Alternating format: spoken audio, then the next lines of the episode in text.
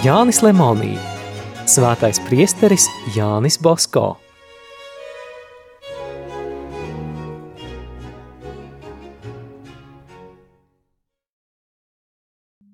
16. jūlijā priesteris Bosko otro reizi devās uz stresu. Tur viņu saistīja priesteris Antonijs Rosmīnī, bet sevišķi viņa nodibinātā kristīgās mīlestības kongregācija. Priesteris Bosko juta, ka arī viņam ir pienācis laiks dibināt kongregāciju, par kuru jau sēn sapņots. Braukdams pirmoreiz uz turieni, viņš apmeklēja ļoti slavenu itāļu rakstnieku Aleksandru Manzoni, sadarināšanās autoru.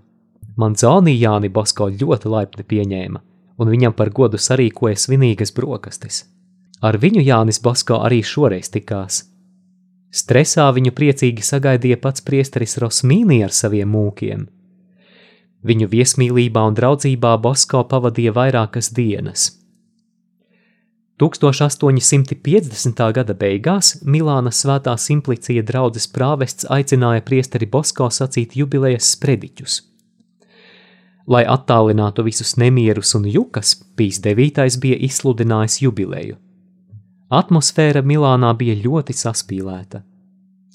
Tikko bija beigusies slavenā 1850. gada sacelšanās. Visa pilsēta bija klusa kā vulkāns, kas tikko uz brīdi aprimis. Reti kāds prāvests gatavojās sākt jubilejas misijas, bet sprediķus sacīt nebija iespējams pierunāt nevienu. Svētās simplīcijas draudzes prāvests bija stūrgalvīgs un drosmīgs. Viņš pirmais arhibīskapam lūdza atļauju sākt misijas. Arhibīskaps atļauju gan deva, bet brīdināja, ka viņš neuzņemsies atbildību par iespējamajiem incidentiem. To pašu arhibīskaps sacīja arī priesterim Bosko, kad viņš atbraucis uz Milānu, ieradās arhibīskapu apsveikt. Tomēr es sacīšu tādas pašas svētrunas kā pirms 50. gada, priesteris Bosko atteica. Arhibīskaps viņu svētīja un ļāva sacīt sprediķus. Pirmajā dienā ieradās ļoti daudz cilvēku. Protams, daudzi atnāca nevis atlaidu, bet gan ziņkārības dēļ, vēloties zināt, kādi politiskie uzskati skanēs no ambonas – Politiskā druģa epidēmijai plosoties, neviens nevarēja iedomāties, ka var iztikt bez politiskas sludināšanas. Taču priesteris Bosko mīļi un droši kā Jānis Kristītājs pie Jordānas upes, aicināja visus rūpēties par savu dvēseli un gandarīt. Kad bija runa par likumības jautājumiem, viņš runāja skaidri, nelokāmi, nevis pusvārdos, bet politiskās kaislības un netaisnības pat nepieminēja. Valdības pārstāvi viņu izsekoja, kā vien varēdami, bet nespēja neko pretvalstisku atrast, un cilvēki aizmirsuši naidu un iekarsumu, dievbijīgi gatavojās grēksūdzēji un mīļā dieva pieņemšanai savās sirdīs. Pēc divām dienām Jāni Bosko aicināja teikt dažus sprediķus arī svētā Aloīza baznīcas prāvests, bet vēlāk arī citi – Pēdējās misiju dienās priesterim Bosko bija jāsaka pēc kārtas pieci, seši sprediķi. Līdz pusnaktī viņš pieņēma grēksūdzes.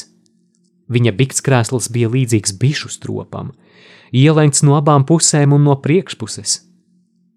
Kādu vakaru iedams uz ļaužu ielenkto bikts krēslu, priesteris Bosko juta, ka viņu kāds no mugurpuses raujais drānām. Pagriezies viņš ieraudzīja mazu puisēnu, kas lūdza, pat pieprasīja, lai priesteris noklausās viņa grēksūdzi turpat solā. Priesteris Bosko pat vārda neiebildis, apsēdās un noklausījās. Izsūdzējis grēkus zēns staroja no prieka un teica: Jūs pieņemat grēksūdzi gluži tāpat kā viens priesteris Turīnā. Bet varbūt viņš un es esam viens un tas pats? Zēns vērīgi uzlūkoja priesteri Bosko viņu pazina un sāka raudāt. 1851. gadā Valdoko oratorija gatavojās desmit gadu jubilejas svinībām. Profesors Rainērī stāsta, ka priesteris Bosko šajā gadā sarīkojas loteriju. Daudzi laimēja un prieka bija daudz. Loterijai beidzoties priesteris Bosko no otrā stāva kaisīja bērniem saldumu riekšavas – Lielie un mazie vienā balsī sauca Evīva, lai dzīvo! Bet, kad Jānis Basko nokāpa lejā, visi drūzmējās ap viņu un sāka nesāt viņu uz rokām. Kāds no šiem draiskuļiem pienācis tuvāk iesaucās: Celsim priesteri Bosko vēl augstāk, lai varētu redzēt viņu visas piecas pasaules daļas un lai katrā pasaules daļā rodas pa simts oratorijām.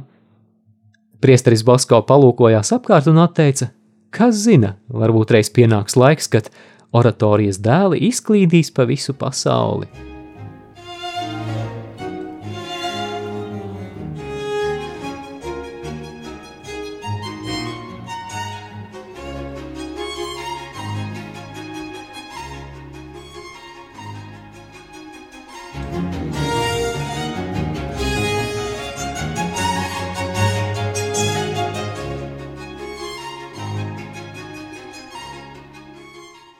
Otrajā februārī Valdoko oratorija svinēja sava aizbildņa svētā Franciska no sales dienu.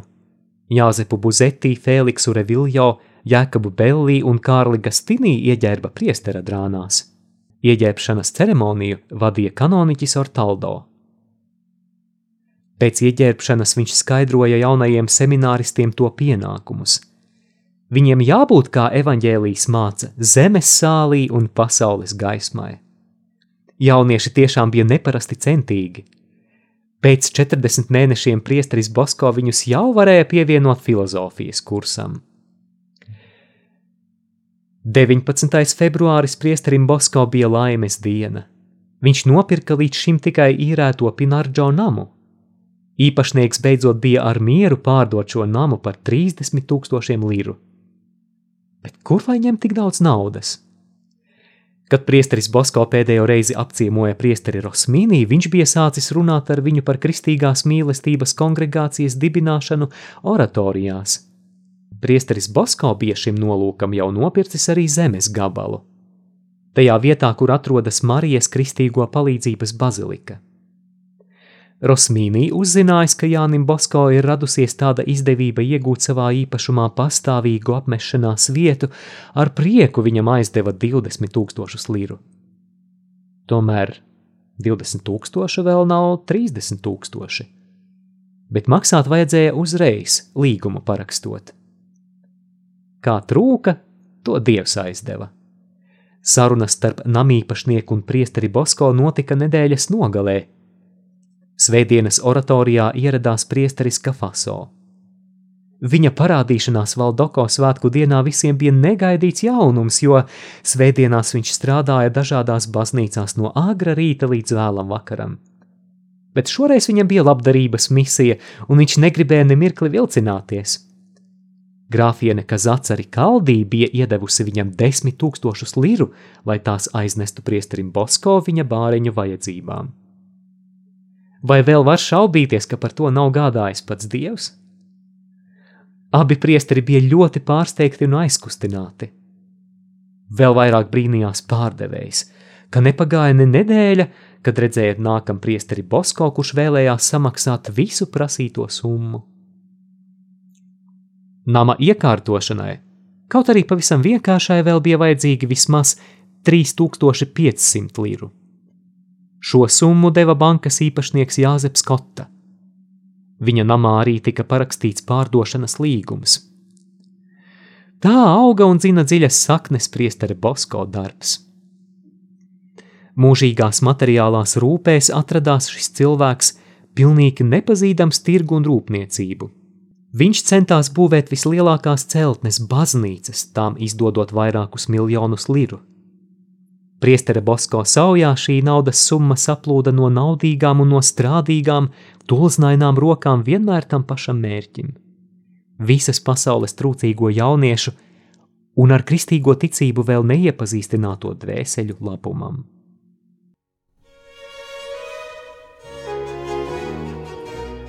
Izskanēja lasījums no Jāņa Lemonija grāmatas Svētais priesteris Jānis Bosko.